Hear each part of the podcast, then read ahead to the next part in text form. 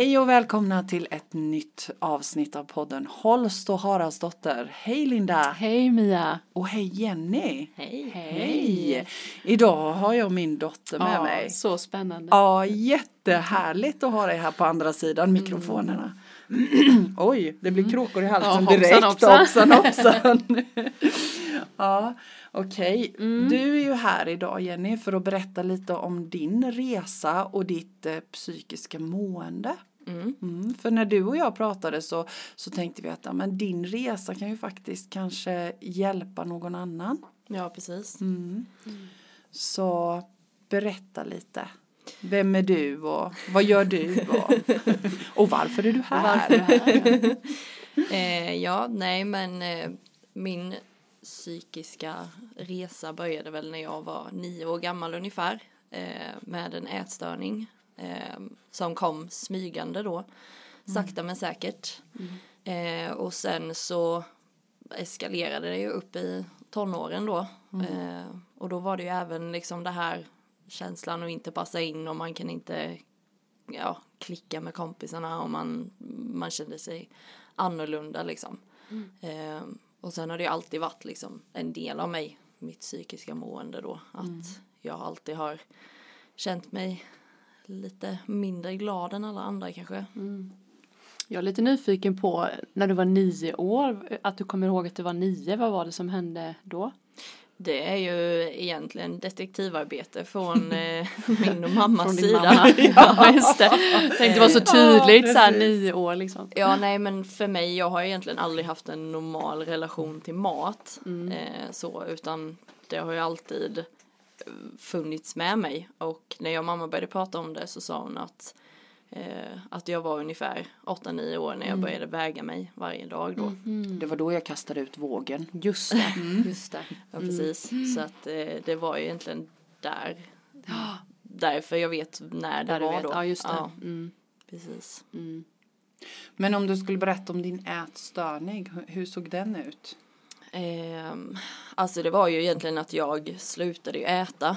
Eh, jag har alltid varit väldigt, väldigt, väldigt smal. Ehm, och knappt ätit och tränat väldigt mycket. Ehm, liksom när jag var 15-16 så kunde jag ju träna 4-5 timmar om dagen liksom.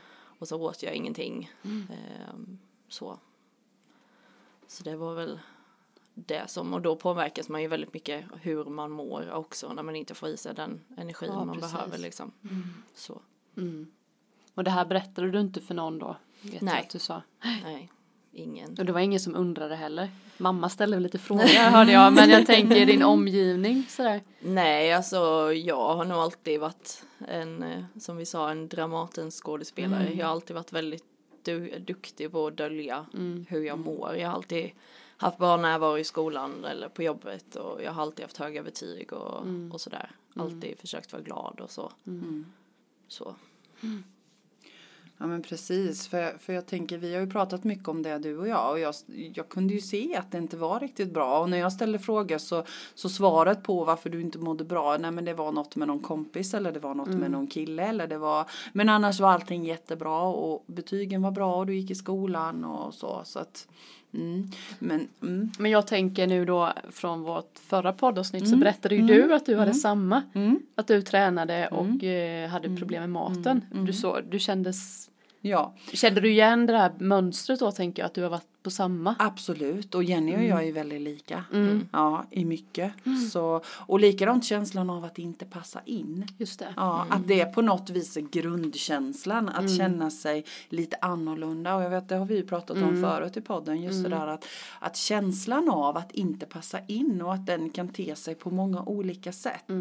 Du blev ju väldigt självdestruktiv, tänker jag, i, i det du har beskrivit ju. Mm. Det har jag alltid varit liksom. Jag har alltid varit väldigt självkritisk och väldigt självdestruktiv då. Men nu har resan gått från detta nu då till tills idag liksom vad har hänt? Ehm, Jag har ju varit och pratat med två olika psykologer då. Eh, Och det började ju först för två år sedan när jag började prata om det. Ehm, Och sen så har jag ju ätit antidepressiva och, och sådär då. Så att det är någonting som, ehm, jag hörde ju en gång att lika länge som man har varit sjuk. Just det. Lika lång tid tar det att bli frisk liksom. Så att det är väl liksom, jag har väl på något sätt accepterat att det är en stor del av mig liksom. Och att jag kanske behöver öva på att prata om det då. Och det här är ju ett väldigt bra tillfälle att öva på att prata om det. Ja, sitta med en mikrofon framför sig, det är ju jättebra. Ja. Ja. Men vad hände då när du började prata om det med För nu sitter du här och berättar för oss. Jag Ja. tänker vad Vad hände i dig då? Tänker jag första gångerna. Alltså första gångerna var det jättejobbigt. Mm. Eh, det har ju liksom, mm, ja, jag är så van vid att man alltid ska, ah, nej men det är lugnt, det är bra, liksom, jag är glad och, Mm. och sådär. Så när jag väl började prata om det, likadant när jag började prata om det på jobbet till exempel med eh, Ja då kunde folk komma till mig som jag inte kände så bra liksom och, och känna att de kunde prata och den liksom responsen var enorm. Eh, jag menar- För då berättade de, det var flera som du inte visste att de också Ja. mådde dåligt som kom till dig faktiskt. Precis. När du öppnade den dörren. Precis, Mm. och liksom folk på jobbet som, eh, jag gjorde ju ett långt inlägg på Facebook då, när Mm. jag valde att gå ut med det då. Och den spridningen blev ju helt enorm, liksom där kom folk till mig överallt och bara åh vad, åh, vad starkt av dig Mm. och gud vad häftigt att du skrev det och sådär. Så det gjorde ju, du Jag får gjorde- så här rysning när du skriver. Det är så mäktigt när man vågar vara sig själv lite. Ja men det är ju det liksom, jag, jag är så himla trött på att man liksom alltid ska, ja men hur är det med dig? Ja men det är bra. Och sen så ska det vara så. Liksom. Det, livet funkar ju inte så. Alltså, och jag menar det är så många människor som mår dåligt och så känner att de inte har någon att prata med. Och man kanske kommer från vissa förhållanden som gör att man nej men det ska vara bra, åh det är inga fel på det här och det är inget fel, då liksom, då vågar man inte prata om det.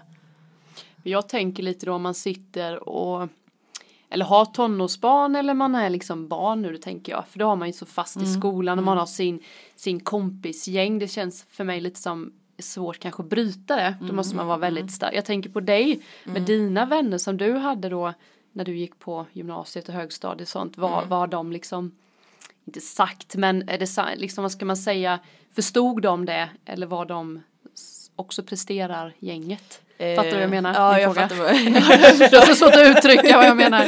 Men du gestikulerar. Ja, jag har väldigt mycket rörelse. Ja, jag nej. tänker det är så svårt att bryta mönstret om det är ett gäng som är så här, man ska träna, man ska dit, dit, datten och så Precis. blir det och- skitsvårt Och tänker jag. så, så var det ju egentligen, alltså jag, jag omgav ju mig med folk som kanske hade egna problem som Mm. gjorde att de inte, jag har alltid dragits till människor som eh, kanske har det jobbigt med sig själva eller har eh, liksom, man måste prestera för då Mm. blir det så att då vänder de inte blickarna på mig liksom. Mm. det. Eh, så det har ju alltid varit eh, det har alltid varit en, säkert ett sätt för mig att liksom mm, kunna hålla mig i bakgrunden så. Mm. Så Lyfta att- fokus ifrån dig Ja, och så till, till precis. kompisarna istället. Precis, liksom. Mm. Och då har jag alltid känt att, ja men då vill inte jag prata om det för det finns de som har det värre, Mm. alltså så. Så liksom, För jag tänker också till exempel ibland det här med att man allt är som det ska. Mm. Brukar vi ju säga här, jag och Mia. Men jag tänker, om man tänker tillbaka, skulle det finnas någonting som du skulle behövt då? Eller är det liksom du behövde gå igenom det för att komma hit idag? Eller skulle, var det någonting som skulle förändra ditt sätt då? ja alltså jag har ju tänkt väldigt mycket på det där, Mm. liksom hur, hur skulle man kunna ändra någonting? Mm. Men jag tror ju egentligen mycket att ehm, man kanske skulle tvingat mig till att gå och prata med någon när jag Mm. Just var det. Mm. yngre liksom. Men hade du gjort det då? Men jag tänker att om man är under 18 så har man ju ingen liksom, Inget val? inget val. Nej, precis. Nej men alltså jag, Mm. jag tror det att någon liksom att man kanske fått hamna i en miljö där man Mm. inte är där man inte måste vara någonting utan att du kan bara Mm. prata så. Ehm, Men det är klart, du var ju säkert då ett barn som var bra i skolan Mm. och skötte dig och då försvinner det ju lite mellan, det är Ja. ingen som är, du är inte jobbig liksom Nej. så då bara, men det är lugnt. Precis, Det liksom blir något mellan, precis och det är ofta det att läser du på en eh, till exempel eh, någon typisk som har depression så är det så Mm. här till exempel ett barn då. Det är ofta liksom att det märks i skolan eller att ja just det. Ehm, de kanske inte har några kompisar eller Mm, de ehm, ja, gapar och skriker och hamnar i bråk i skolan, Mm. alltså sådana grejer. Och då blir det att man ja men då är det ju lugnt liksom. Det är inget fel här. Precis. Men du var ju inte jobbig. Nej, Nej. inte Skötte det exemplariskt. Mm. Så jag tänker också att, att det är ett råd att skicka med. Att, att liksom fråga några gånger extra. Eh, och, och som sagt var, eftersom du skötte allt som du skulle och var artig och trevlig och fick bra betyg och så. Eh, så, så kanske man ändå om man som förälder känner att nej men här är någonting som inte är bra. Att man, att man går ett varv till.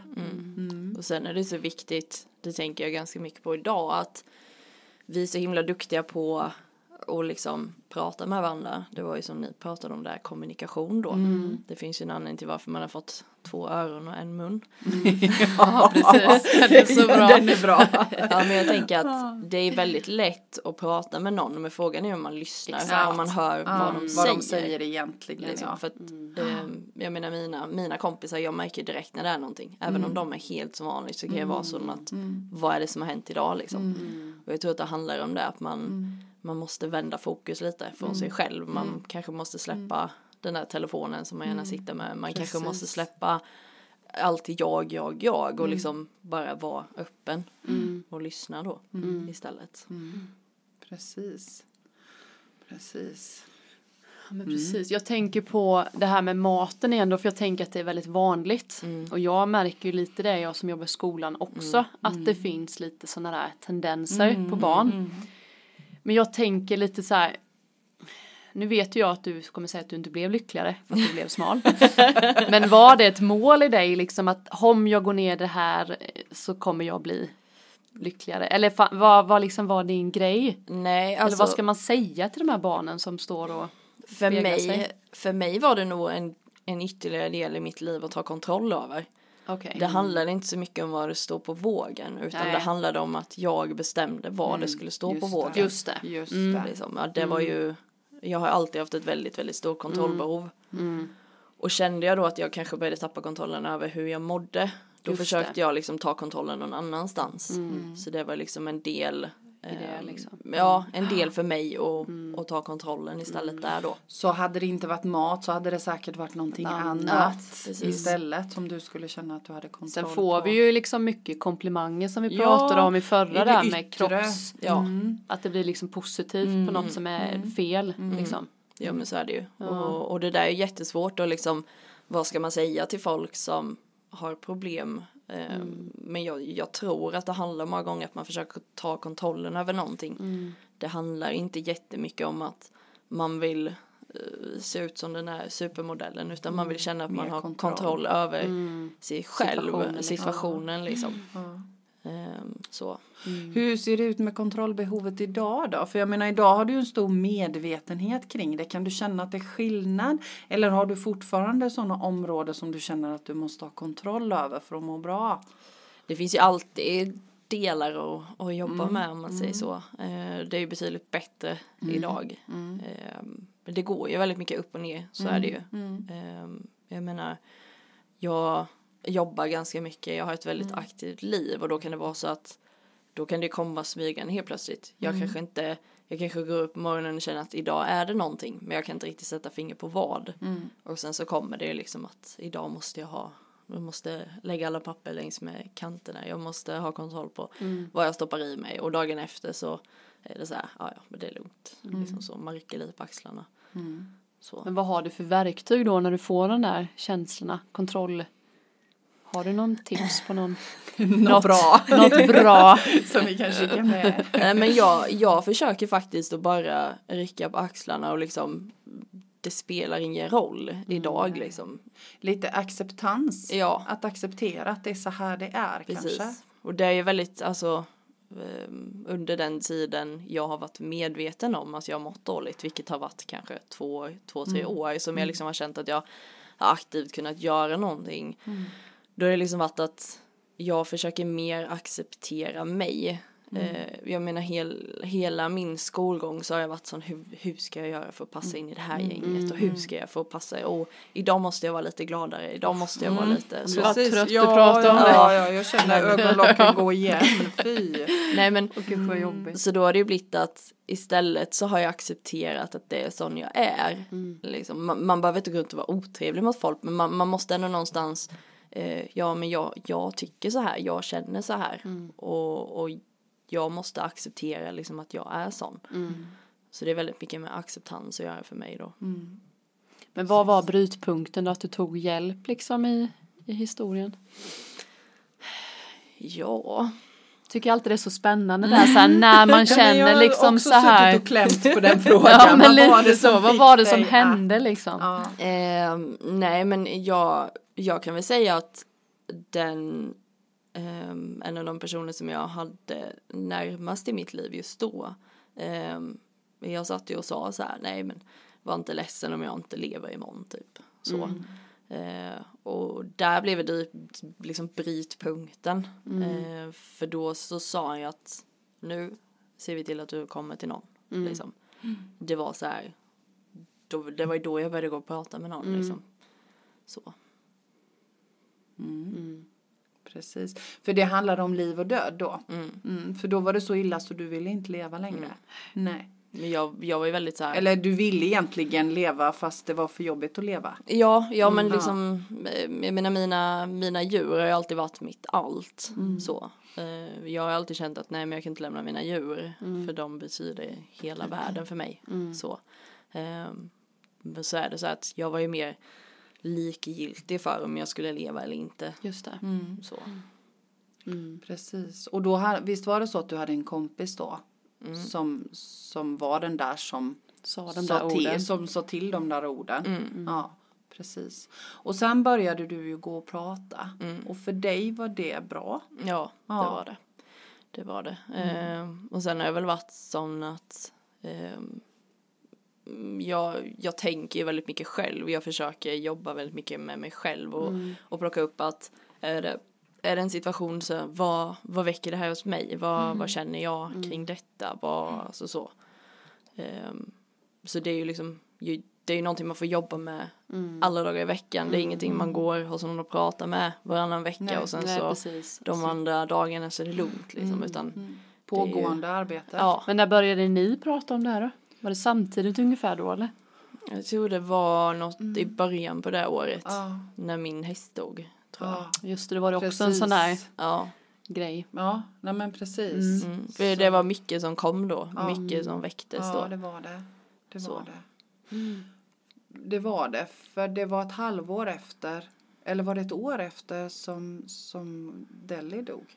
Nej, det var tidigare. Ja, men var det ännu tidigare än Ja. det? Ja, för då kom det ju också upp Mm. en massa.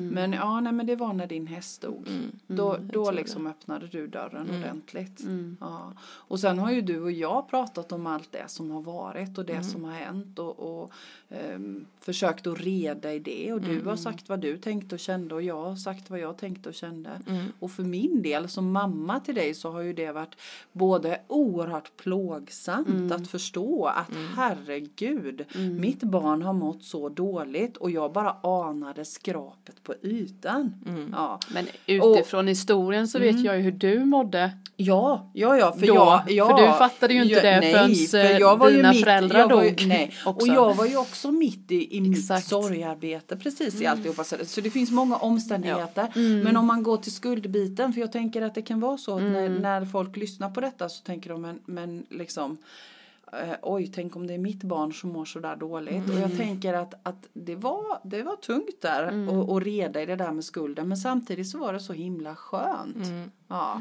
att faktiskt göra det. Eh, och komma vidare. För det, det är från mitt sätt att se det så upplever jag att vi har gjort det. Mm. Ja.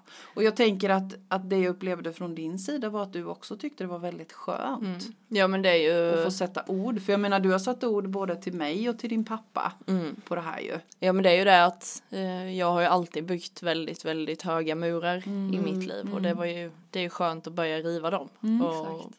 bara få vara den jag är istället för att vara någonting som jag inte är. Så. Ja men precis. Men de där murarna som jag också haft då, de är skitläskiga. Ja. Och när man väl ska riva dem. Ja, men gud, sen när ja. de är gjorda så känner man sig, varför gjorde jag inte det här tidigare? är För någonstans så. är, det ju så himla härligt när man väl gör det. Men, Mm.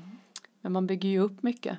Så är det ju. Precis, och jag, jag tänker också Mm. rent relationsmässigt. För jag menar, du har ju haft lite relationer så. Mm. Och, och jag tänker när man har de där murarna så är det ju Mm. murarna som, det är ju gentemot dem man egentligen bygger relationer. Mm. Precis. Ja, så, så hur har det sett ut? Har det varit knepigt att ha nära relationer med andra människor? Och jag tänker liksom med pojkvänner och kompisar och Alltså jag har ju alltid varit väldigt, väldigt självdestruktiv. Mm. Så jag har ju haft eh, två riktigt destruktiva förhållanden då. Mm. Ehm, och nu i efterhand så kan jag väl känna att jag kanske hade dem för att plåga mig själv lite Just till. det. Mm. Ehm, för att det var ingenting som gav mig någonting överhuvudtaget utan det var bara någonting som gjorde att jag mådde ännu sämre liksom. Mm. Ehm, så sen, jag har alltid haft folk på en armlängds avstånd egentligen. Det har, för du har sett till att ha dem där. Ja, ja men det är det. det. Jag har ju valt det själv. Jag har ju alltid valt att inte släppa in folk. Nej. Ehm,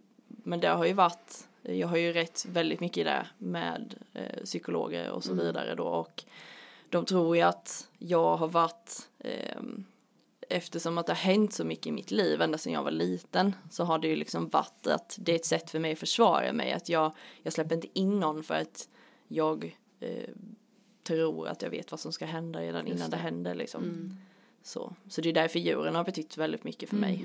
Så, för de, De kan man aldrig bli besviken på. Nej. sätt. Villkorslös kärlek. Verkligen. Ja, Ja. nej men det är ju det att när du, när du har en människa i ditt liv så eh, har du ändå, det är ändå någon som förväntar sig någonting av dig. Det är ändå någon du eh, kanske behöver tänka på hur du är eller vad du säger eller vad du gör. Men liksom djuren är ju där hela tiden. De är liksom, de, ja, jag har alltid värderat dem väldigt, väldigt högt.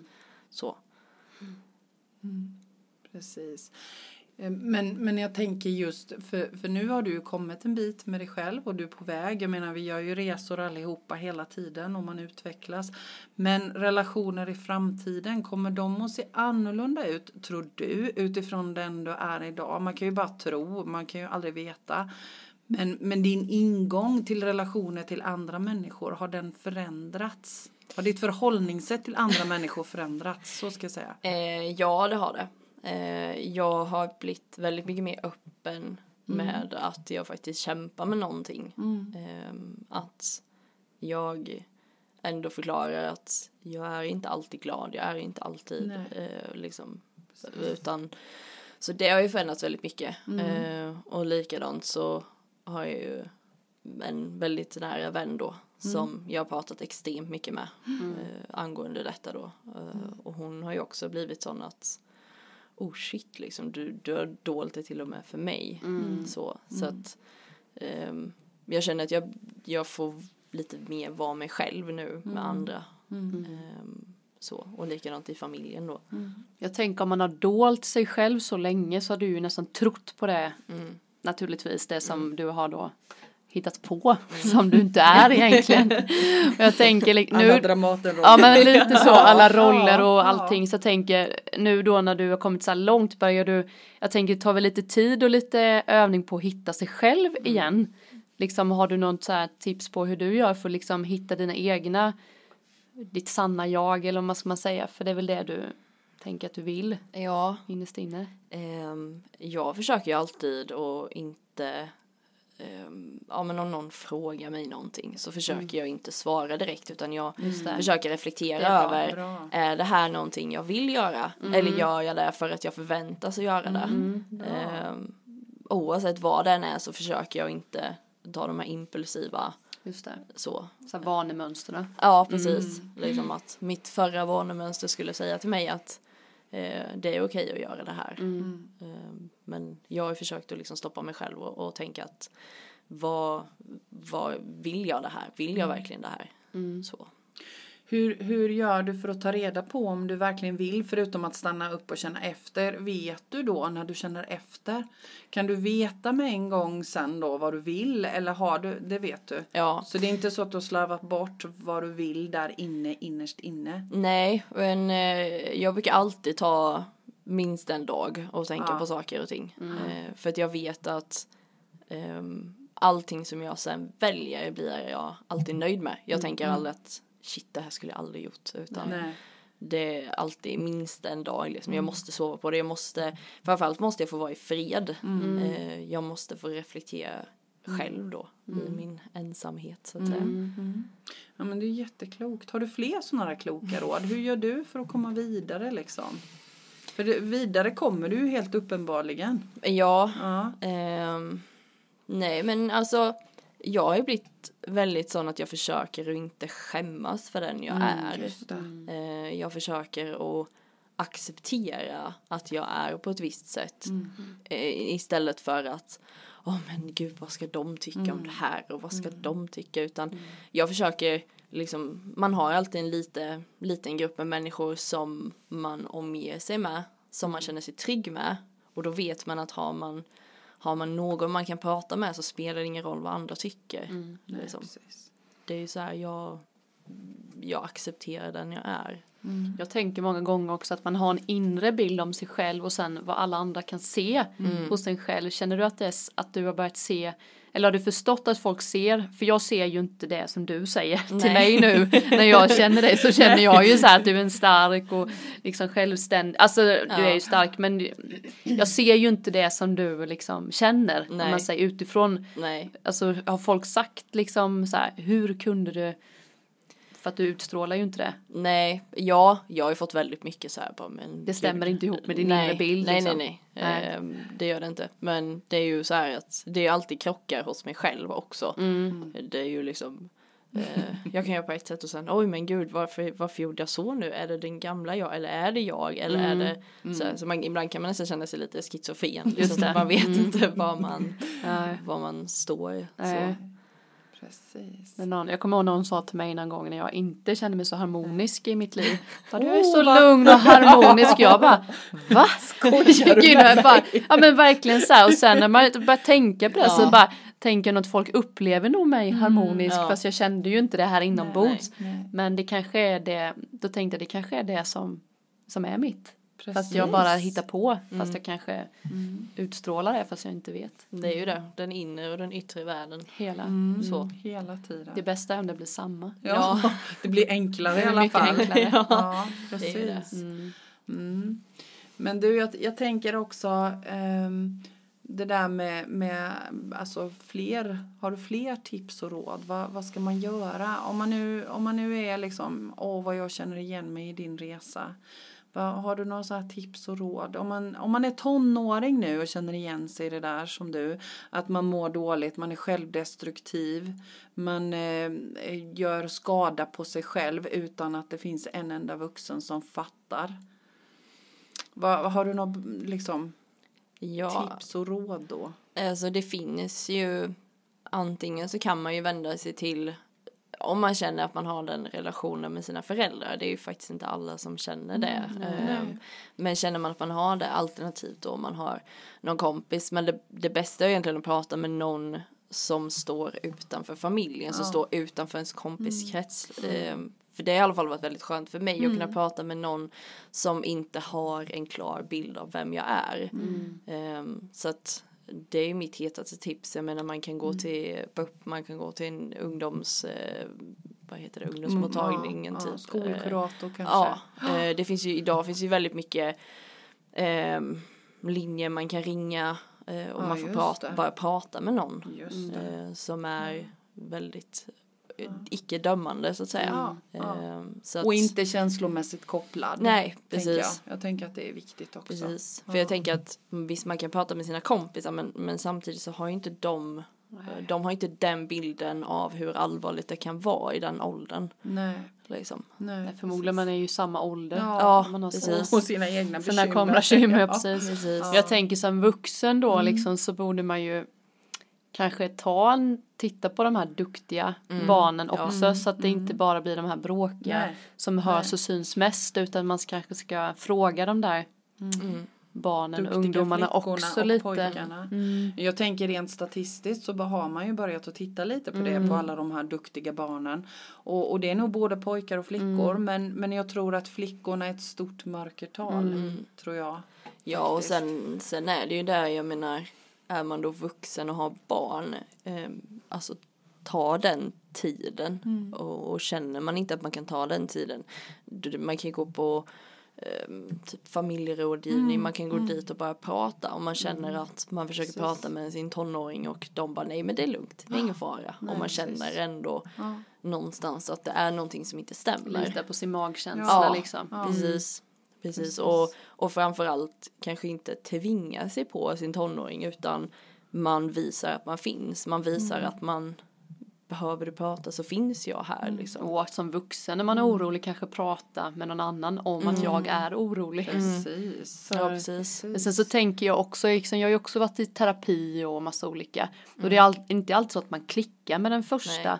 Så det är ju också någon grej att man får testa lite olika. För det kan ju vara att man inte alls trivs med den Nej. personen eller den kuratorn eller så här, utan Ja, tycker jag är precis. lite tips att kolla runt så här, Ja. lite så att man klickar med den för det är skitjobbigt om man sitter med någon som man inte alls trivs med kan jag tycka. Och så hänger det mycket på vad man har varit med om. Ehm, som min psykolog då som sa att jag har varit med om ett trauma, då är det väldigt viktigt att komma till någon som kan trauman liksom. Ehm, sen kanske det är jättebra om man bara behöver prata om, om någonting, då kan man gå till till exempel en eh, KBT-terapeut. Alltså så, det, det finns ju väldigt mycket olika Ja. beroende på vad man har varit med om. Precis. Så. Ehm, Jag själv trivs ju inte på att sitta på en vårdcentral och prata med någon i ett sterilt rum någonstans. Det, man måste ju liksom, man, man får testa olika. Så, det behöver inte vara. Och, och kanske också viktigt att, att nämna att man då inte ska känna att det är mig det är fel på. Nej. För, för ofta är det kanske så som du säger att man tycker man passar inte in. Okej, nej men jag passar inte in här heller. Nej. Men att det är inte det det handlar om utan man behöver faktiskt olika saker. Att Ja. man har olika behov. Precis. Ja. För annars är det väldigt lätt att säga, nej men du, du är sjuk, det är fel på dig. Ja. Just det. Då blir man så här, ja det är nog fel Ja, på ja men precis. För det är redan den stämpeln du har gett på dig själv ja, ju. precis. Ja. Precis, så det gäller ju liksom mm, känna att man försöker acceptera den man är. Mm. Så. Men också den här känslan av att man är ju aldrig ensam. Även att man tror att man, det jag är den enda som i känner så här. Så är det ju inte så. Nej. Jag tänker liksom idag när det finns så mycket med sociala medier Mm. och sånt. Det måste ju finnas massa bra forum. Där man kan träffa andra som känner samma. Gör det Om inte det? blir destruktivt i Ja. och för sig. Ja, Men, för det kan eh, ju bli det också att allt Ja. kretsar kring det. Har du varit ute för det? Några sociala forum så som du har använt dig utav som har varit bra eller som har varit mindre bra? Nej, jag har egentligen inte använt det på det sättet. Ehm, det är lite som du säger där att det är väldigt lätt att det blir triggande istället. För att ehm, det blir så här, ja men jag mår dåligt, ja men jag mår sämre, ja men jag mår så Alltså det, det blir lite så här. ehm, sen finns det säkert bra sidor Ja. som kanske är sköts på liksom något Ja. så här, jag kan inte de där Nej, namnen. nej. Bups, eh, kanske har någon cha- eller jag vet inte. Ja, ja men alltså någon, någonting där det är lite mer organiserat på det sättet så. Eh, Man kanske inte ska gå in i ett forum och sitta och skriva vad man känner och tycker för ofta så kommer man få svaren att eh, ja men jag har det bättre eller jag har det sämre eller jag har det. ja. ehm, där kanske man inte får den hjälpen man behöver då. Nej, precis. Men du, jag tänker också på jobbet. För du, du berättade ju på jobbet så småningom ju. Och du nämnde förut att då var det folk som kom till dig eh, och började öppna upp. Mm. Möttes du bara av positiv respons när du öppnade upp på jobbet? Eller fanns det liksom, blev det, mötte du den andra sidan också med rädslor? Ja, det var väl väldigt, det var blandat men Mm. jag, jag valde själv att inte lyssna på något annat Nej. än de som faktiskt Bra. ville prata då. Nej. Ehm, sen så var jag väldigt, väldigt tydlig när jag gick ut med det att jag vill inte ha Alltså jag vill inte ha medkänsla, att folk tycker synd om mig. Det behöver jag inte överhuvudtaget. Utan Nej. det enda jag ville ha var förståelse liksom. Mm. Ehm, så att mm, jag, jag tror ändå att de som kanske hade andra åsik åsikter valde kanske att hålla det för sig själva för att de visste att jag inte skulle ta åt mig. Mm. Så på det sättet då. Ja men precis. Va, ledning och chefer och sådär, där var det positiv respons därifrån eller blev de um, oroliga och rädda eller? Nej, eh, min före detta chef kom ju till mig eh, och han har ju inte ens Facebook. Nej. Han, eh, han kom till mig och bara jag läste ditt inlägg på Facebook. jag bara, okej men du har väl inte ens Facebook? Nej, det var en bekant till mig som visade Ja, det och, Ja. och sådär. Så att eh, han var ju, han var ju, han sa exakt samma sak. Ja men jag, Mm. jag, jag hade ingen aning liksom. Nej. Jag visste ingenting. Så. Nej Eh, precis. Så han, sen, sen har ju han varit väldigt noga efter det att Mm. eh, när vi jobbar tillsammans så brukar vi sitta ner lite stund och bara prata så. Mm. Så jag tror kanske att det är ett sätt för honom att känna att han kanske kan göra någonting. Så. Mm. Tror du att han kanske också till och med har blivit mer uppmärksam på andra medarbetare? Ja det tror Att, jag. att det har blivit en vinst för honom också? Mm. Ja, Ja. men det tror jag. Eh, det tror jag absolut. Att man att, att han kanske, ja men nu ska jag väl leta efter lite varningssignaler här. Mm. Så på det sättet. Så att eh, jag hoppas att det bara har gjort gott liksom. Det har det alldeles säkert. Jag tänker att vara sann emot sig själv och, och vara sann utåt. Det är ju det viktigaste vi kan göra och det är det viktigaste vi har. Stå i sin egen sanning. Mm. Ja. Absolut. Men du, vad skulle du avslutningsvis lite så knyta ihop säcken. Vad skulle du säga är de största vinsterna för dig nu med att ha, ha gått ut med hela det här paketet liksom om vem du är och faktiskt kliva ur Det garderoben. här får ni nu. Mm. ja, precis. Eh, nej, men jag, jag tror att det handlar om att jag kan vara mig själv. Mm. Eh, det är egentligen det viktigaste för mig. Mm. Och slippa känna att jag, ja nu är den här personen, nu, nu måste jag vara sån Mm. här och nu är den här personen. Eh, jag har alltid varit extremt duktig på att veta vad en person förväntar sig av mig. Mm. Och då har jag alltid visat om den sidan. Så, eh, så att jag tror att det har varit den största vinningen för mig. Mm. Att kunna känna att jag kan vara den jag är. Och kan man inte acceptera det, nej men då, då vill inte jag ha det i mitt liv liksom. Nej, och då är det inte dig det beror på. Nej. Utan, nej. Precis. Känns som du fått lite energi över då. Ja, det har Det känns som att det krävt mycket energi och liksom Ja. så här. Jag Ja, kan men känna jag- igen mig lite i de här rollerna. Att Ja. man ska, det är skönt att bara Mm. ta så mycket energi. Ja men det är ju det. Eh, Jag menar, vi, vi går runt och är irriterade på vad som står i tidningen eller vad som står på nätet. Då blir man så här, varför lägger du energi på det? Det är helt Exakt. meningslöst. Du kan inte göra någonting åt det ändå. Så.